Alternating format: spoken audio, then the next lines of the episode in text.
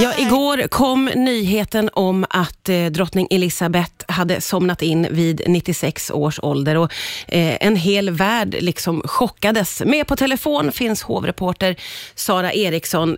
Det var ju på ett sätt naturligtvis inte oväntat, men visst var det ändå chockartat?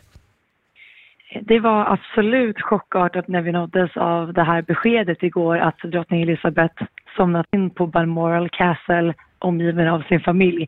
Jag tror inte att det hade spelat någon roll hur många år till som hade gått. Alltså, det hade spelat någon roll ifall drottningen hade varit 101 år gammal. Det hade ändå kommit som en chock mm. att hon inte längre finns med oss. Ja, eh, och, och, vi känner ju av det väldigt här i Sverige. Hur är det i Storbritannien just nu skulle du tro? Eh, jag tror nästan att det är svårt att, att föreställa sig hur lamslaget det är där just nu. Alltså det är ett helt, ett helt land, en hel nation och ett helt samvälde som nu befinner sig i djup sorg efter att ha förlorat sin drottning som de, de har haft vid sin sida i över 70 år. Det är svårt att ta in. Ja, det är det verkligen. Och det är ju också väldigt ovant nu, eh, tanken på att eh, prins Charles har blivit kung Charles. Ja, bara nu under dagen när man har rapporterat om det här så säger man ju hela tiden prins Charles för att det har varit något så, så pass naturligt. Ja. Han har varit prins i 73 år. Mm. Han är givetvis väl förberedd för den här rollen men från och med idag så är han kung Charles den tredje. Och eh, det är ju såklart ett enormt tomrum hans mamma, drottning Elizabeth, lämnar efter sig. Ett tomrum som blir väldigt svårt och utmanande att fylla såklart.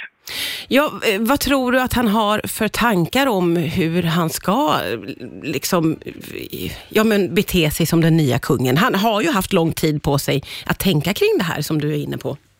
Ja, jag, jag, han är självklart liksom väl förberedd för den här rollen. Men samtidigt så är det ju svårt att leva upp till det hans mamma har hunnit åstadkomma. Jag menar, hon har under 70 år byggt upp allt detta. Han kliver nu in som 73-åring i en roll som kung.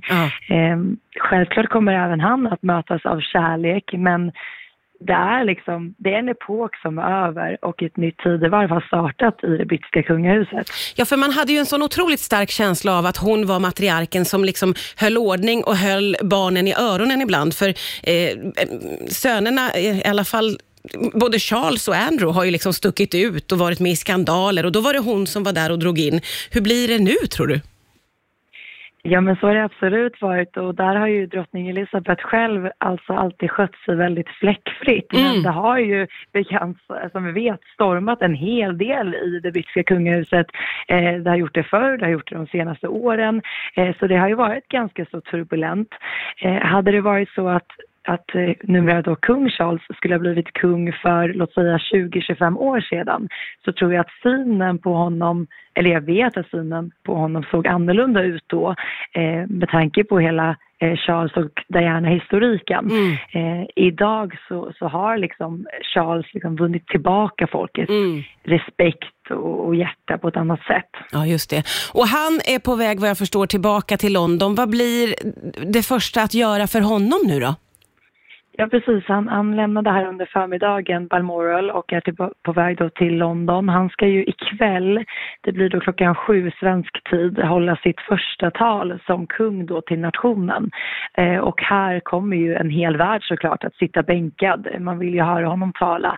Eh, och det är det här som blir, det måste vara så svårt att i den här sorgen samtidigt ta de här kliven mm. eh, och liksom prestera här och nu. Det har bara gått, det har inte ens gått ett dygn nej, sedan nej. vi nåddes av det här beskedet. Nej. Otroligt spännande eh, ska det bli att få höra vad han säger. Sara Eriksson, tusen tack för att du var med här, hovreporter. Eh, väldigt bråda dagar för dig förstår jag ju, så tack snälla för att du tog dig tid att vara med här på Rix FM. Ja men tack själv.